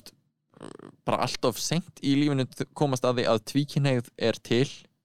Já, og það var ekki fyrir maður fekk sko, fyrir uh, ég fekk hérna, fræðslu frá sest, hérna, hins einn Norrland sem var þá samtökin Mhm. 78 á Norrlandi eða eitthvað í grunnskóla í þú veist tíunda bekka eða eitthvað já, að, sama hér, að þá allt inni fekk maður bara eitthvað já og hérna, hérna, samkynniði þetta og da, da, da, da, og svo tvíkynniði, pakkinniði og einhvern veginn bara svona transir þetta og svona farið yfir bara orðaforðan sem hefði aldrei verið gert og maður bara eitthvað, ó, er þetta til? Ég er ekki bara eitthvað frík sem fíla bæði, what?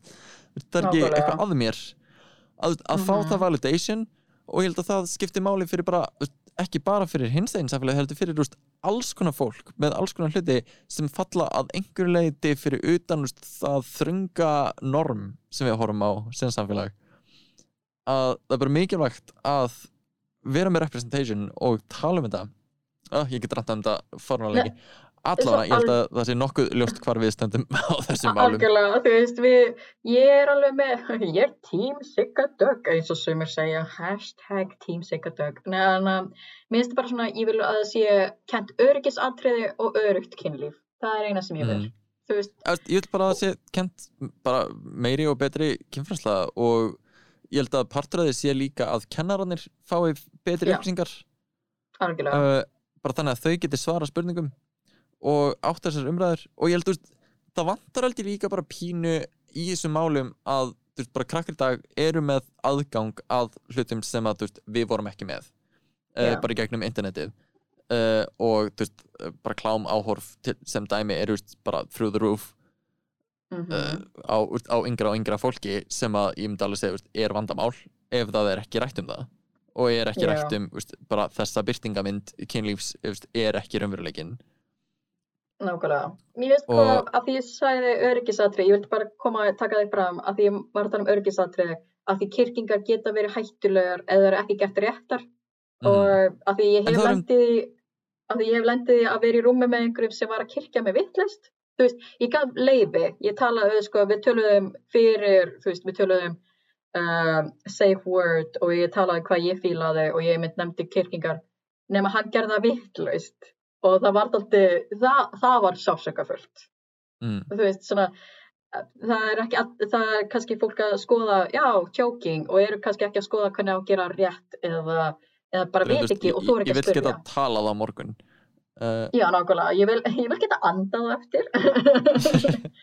Svona eftir á. Ekki geta anda akkurat núna en uh, Ég væri til í eftir á allavega. Þú veist, svo þegar ég tala um öryggisatrið þá meina ég öryggisatrið um að, að gera hlutina rétt mm Þú veist, gera enda þar smög rétt gera, þú veist, kirkingar rétt gera, þú veist, bara svona ge, setja á sig smokkin rétt þú veist, you know, þannig rétt og veist, þetta er bara það einfalt að geta talað um uh, við veist, þann sem að veist, þú ert að stunda kynlíf með eða hvað, veist, bara Mhm. hvað þú fílar og hvað þú fílar ekki og hvernig þið líður og bara Algjörlega. allt það að geta opnað þessar umræðir skiptir mjög miklu máli og ég held að bara þar sem að þetta er þá einhver sem við maður fara einhvern veginn bara í samfélaginu það sem að gerast að þá þurfum við bara að bregðast við og fræða yngra og yngra fólk þannig að þau sé ekki að fá rángar upplýsingar Algjörlega.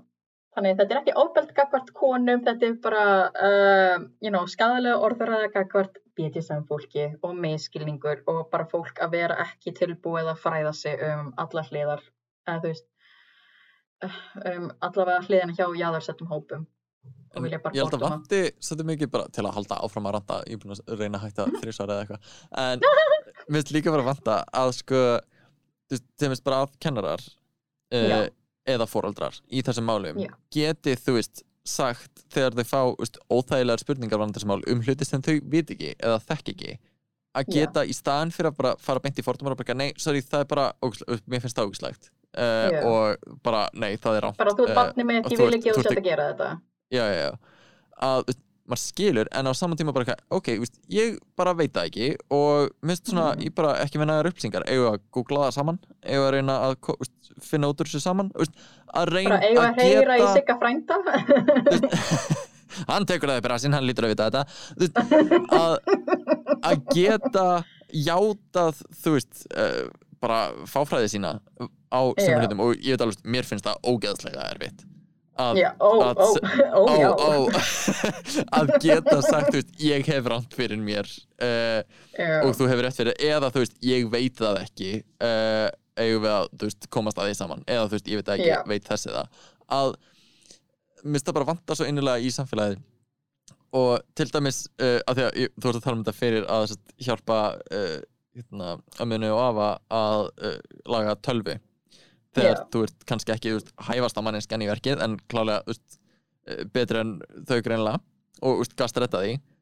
En Mm. minnst svo oft þar sem að uh, hvað gott það, subtle read en minnst bara svo oft þar sem að fólk bara á erfitt með að byggja um hjálp sérstaklega í einhverjum svona málum. Já, og að játa að bara eitthvað, já, ég veit ekki hvað ég er að gera hérna. Ég veit ekki hvað er að hjálp. Finnst það bara svona það grunnatriði bara svona þurfum við sem samfélag að brjóta niður allavegna fyrir að tala um eitthvað annað Drag Race Já, já, Drag Race. Ef að fara í smá skeggi Drag Drag Race Race. Recap. Recap Vá hvað þetta var ekki að samtíma Bíp bíp Bíp, bíp, bíp, bíp, bíp. En já, Drag Race Recap. Ok, við ætlum að hafa þetta mjög stutt. Uh, Við erum komið Og langt yfir tíma hérna En við erum um með að sérst hins- Drag Race UK vs. The World erum aðeins búin að snerta því spennandi stef tölum meir um það síðan, síðar þegar við erum komið með fleiri þætti en Já. þannig að við ætlum að fókusa á Drag Race US seríu 14 þar sem komnir eru fjóri þættir. Og bara byrjaði í sikkur lægi sem að mér finnst svona besta leginn til að gera það honestly. Mhm. uh, það fóru, Já, já, spoiler alert uh, fyrstu það fóru tvær voru heim í fyrsta þættinum sem fengur síðan að koma aftur í þriða þætti sem fekk að fokkum mist mín að senda þér heim þá en ok, Já, Uh, bara láta þér pakka saman og gráta og svo bara nei, komið aftur. Komið aftur Gatti tilbaka Og- Já, mér finnst þetta aldrei uh, hvað kallast það, tilfinningalegt klám fyrir RuPaul. Já, það er bara verið að runga þeim hérna til, fyrir tárin. Grenjaði Og- fyrir mig.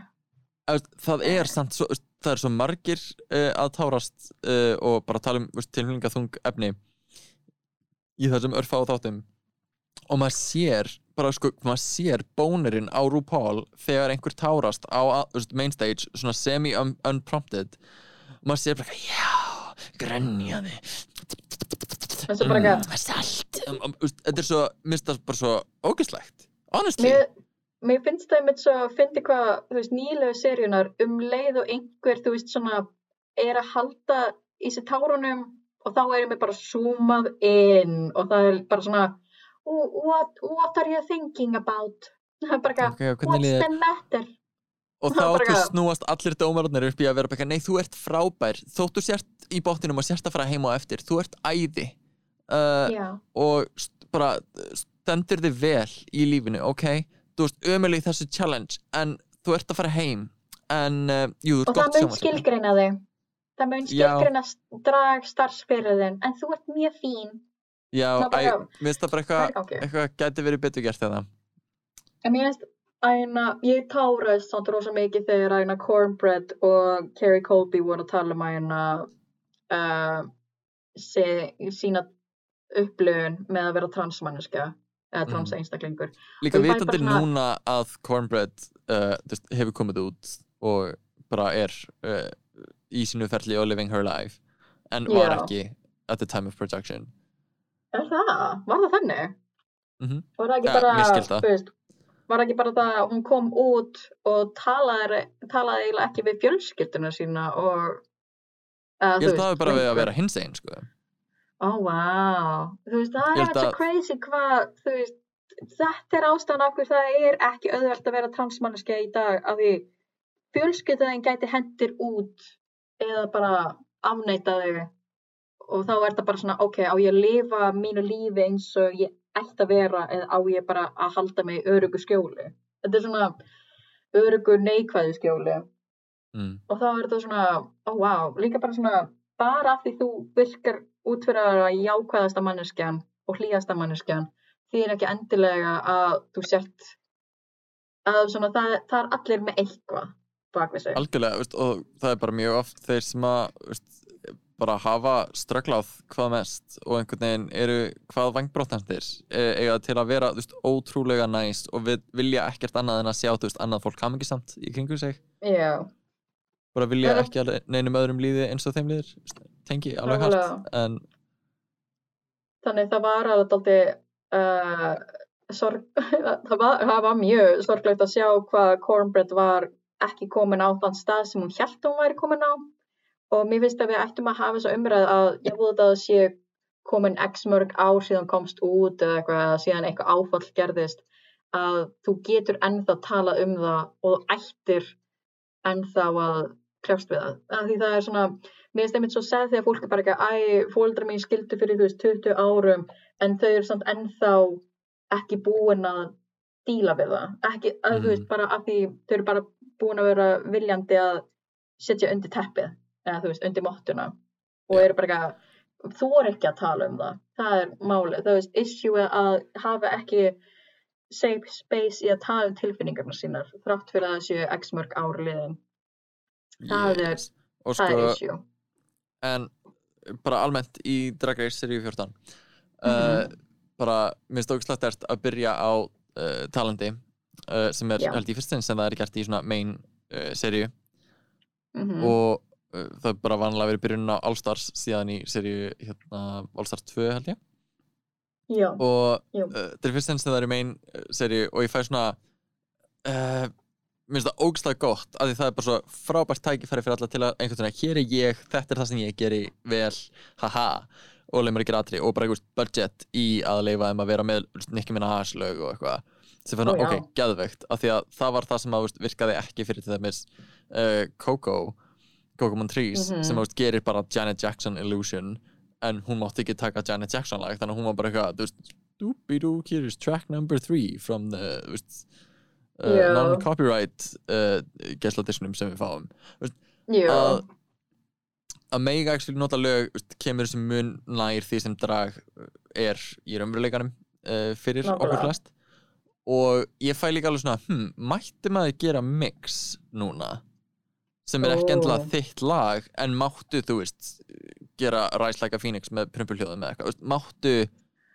uh, að pæling. ég myndi halda að uh, það mætti núna Sko það er samt, þú mátt, ég held að það sé eitthvað svona af því þau eru að borga stefgjald uh, eða þú veist courtesy of Dalala Productions eða eitthvað. Ég held að það sé aðeins flóknar þegar þú ert byrja að breyta, svona umbreyta læginu á þarft að fá ekstra leifi fyrir því eða eitthvað, eða þú ert að sína það í sjónvarpi eða eitthvað. Já, Þetta- en veist, fyrst þeir eru að gera þetta nú þegar, þá er alltaf það mikið mál að ta taka skrifinu lengra allána. Já, nákvæmlega, það Eh, er vonandi í framtíðinu sjáum Mér við leið eitthvað mjög svo eins og sumir svona understood the assignment og aðrir ekki Já, að ég held ok, að ég þáttu að gera þáttu tvö var mjög, uh, þá er mér bara, eitthvað, ég ætla að lipsynka það er mitt talent. Og bara, ok þá ertu vond að taka eitthvað mjög áhugavert lag sem að svona er einkennandi fyrir þig og þinn karakter og ert að gera eitthvað performance sem makear sense með því. Nei, þú ert bara að lipsynka pink, ok.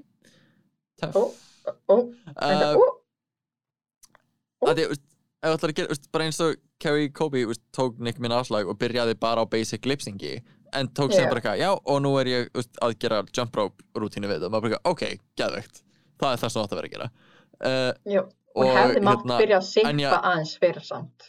sure, en þú veist, ef hún hefði byrjað fyrir þá hefði örugglega einhver sagt bara að þetta var svolítið one note, þú varst að sippa allan tíman þannig að þú getur alltaf fundið eitthvað til að Já. hvart yfir en Reyndar, það fór eins og fór en sem var veist, Willow Pill með Enya lagið og uh, oh my god.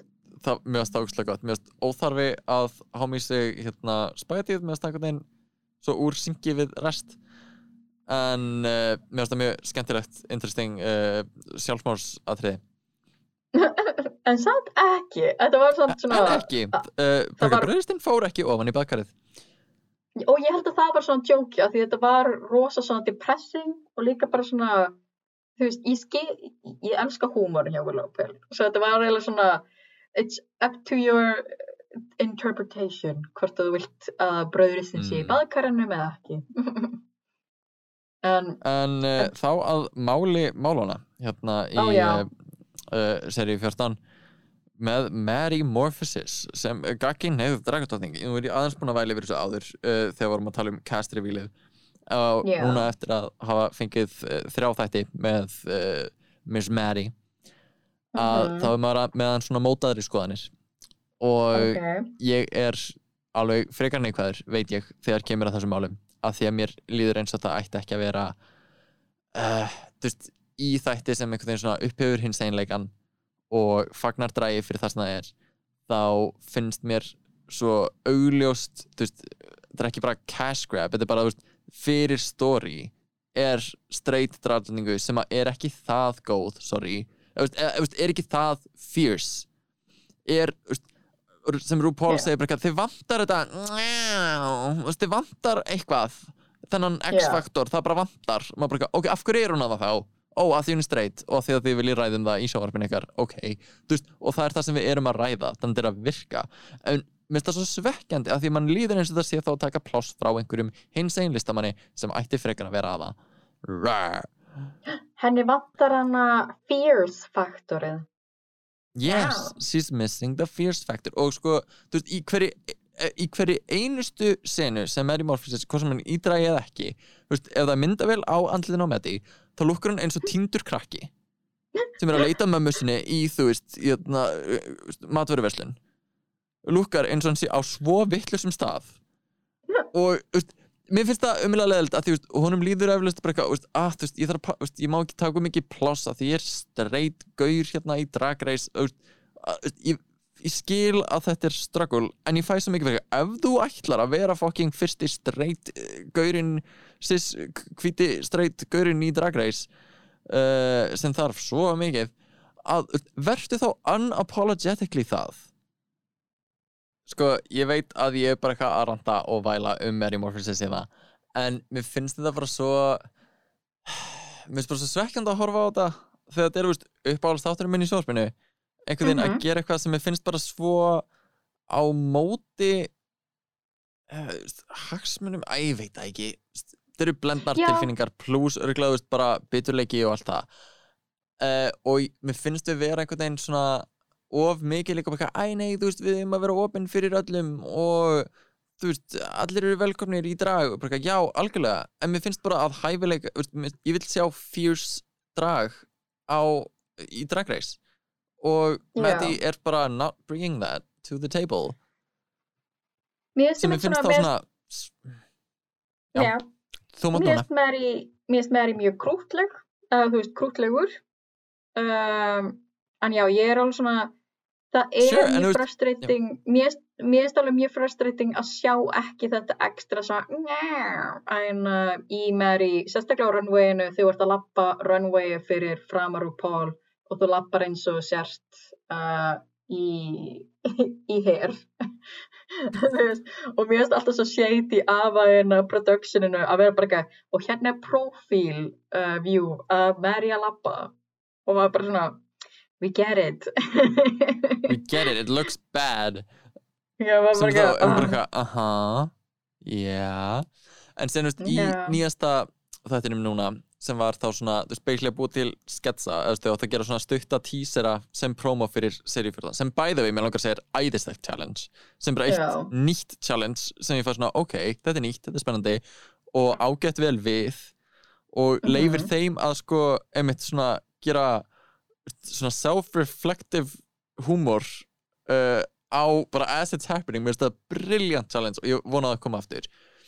Um, og það besta sem kom út úr því fannst mér vera Deja Sky í the veist, tragedy mirror momenti sem bara veist, grátandi og allir aðna og þau eru byrjulega að íkja allt svona, sem færi í svona coming up on Drag Race. Þannig Já. klippur og uh, Deja er hann bara eitthvað grátandi og allir eitthvað, nei, it's okay yeah, I just have a, had a really hard life. I was born at a very young age.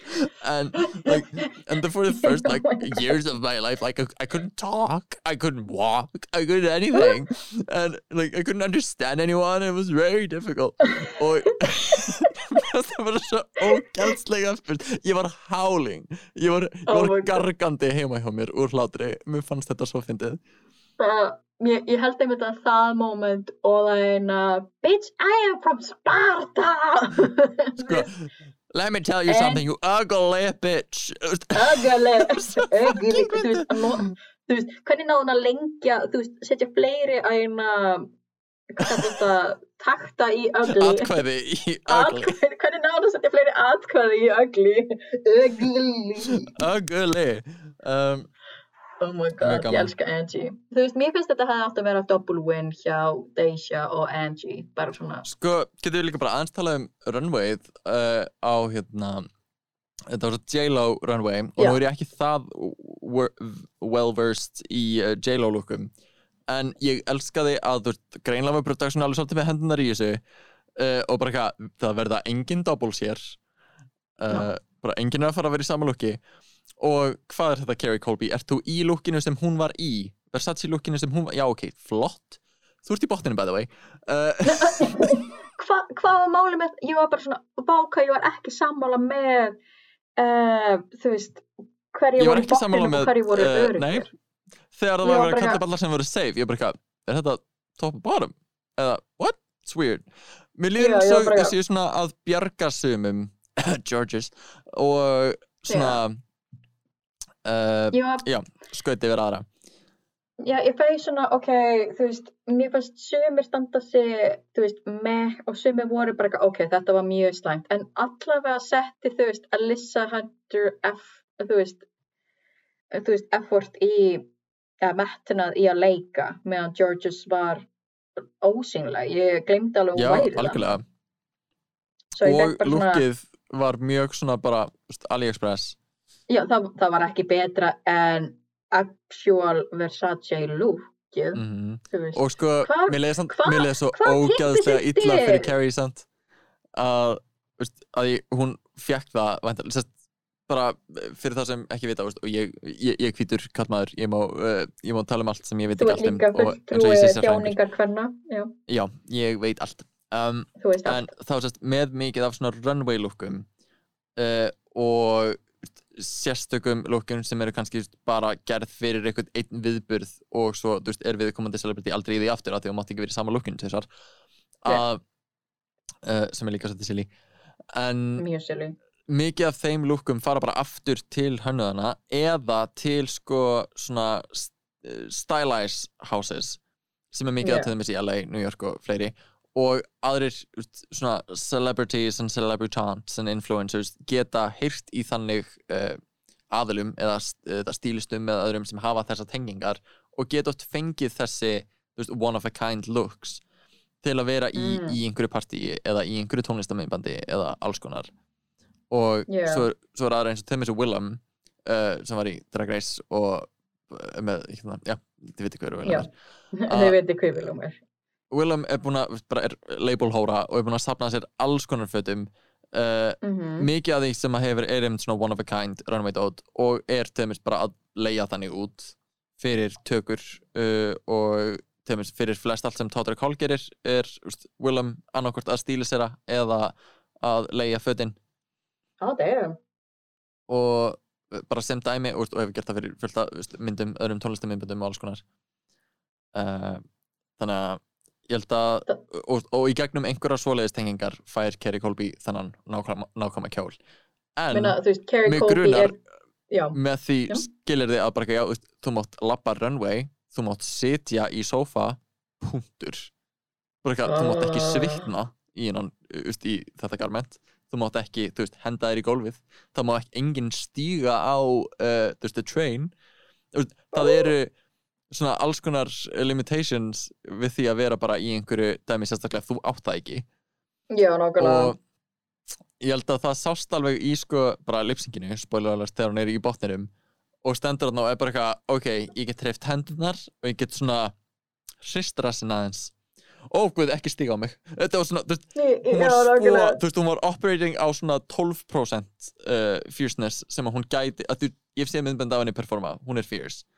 En bara, veist, gat ekki gert neitt og ég myndi alveg segja Alyssa Hunter like mopped the floor with her pussy, veist, bara Já.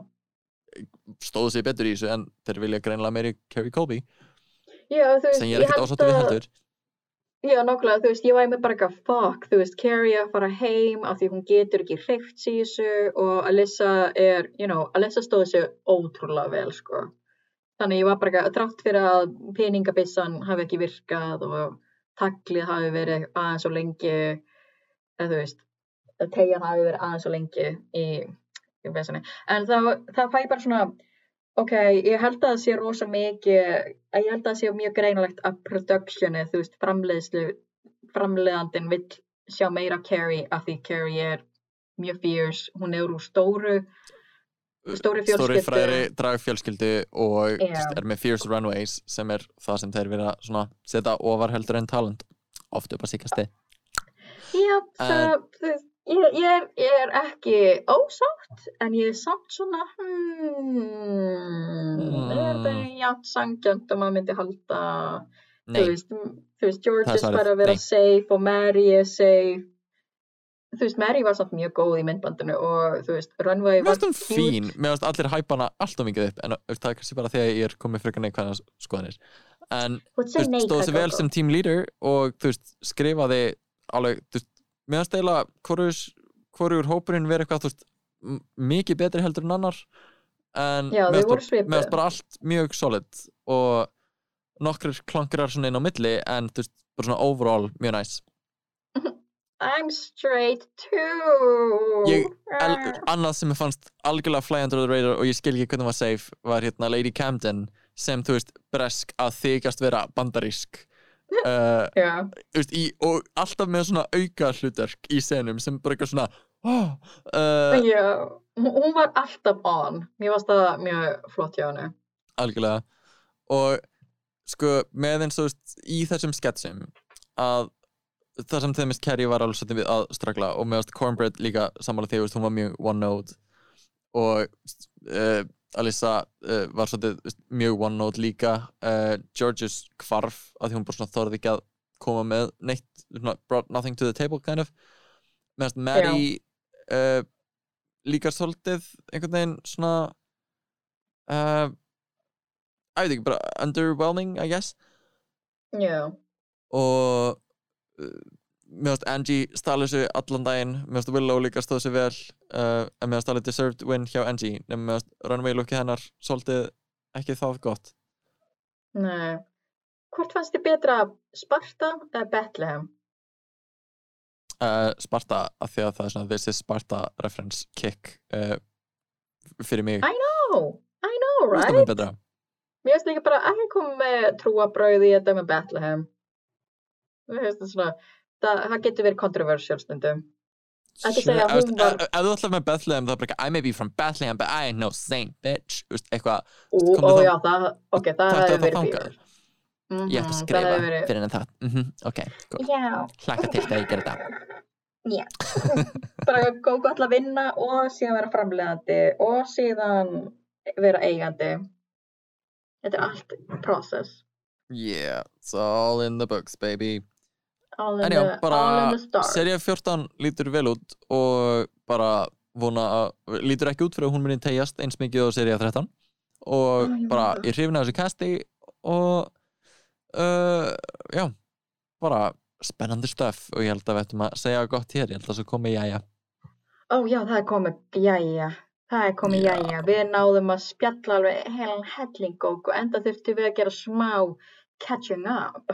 Yeah gerum þetta aftur, tölum ekkert saman í tvær ykkur og hérna, tökum svo Því við erum bara vinkonur í útvarpinu. Við erum ekki vinkonur. Við erum vinkonur tvær, við erum vinkonur í útvarpinu Yes, ok. Elsku Þið vitið sem hlustundur, vitið. takk kærlega fyrir að vera með okkur í svona ekstra langan þátt. Ég vona að þið lærið eitthvað um tómatsósur, uh, Kirkingar Eh, og uh, Terry Mugler Allana já. Eh, Þetta verður rálaða draskandur, ég hef verið gókur star og ég er Jenny Purr. Takk fyrir að hlusta, ok, bye Bye bye Bye. Bye bye.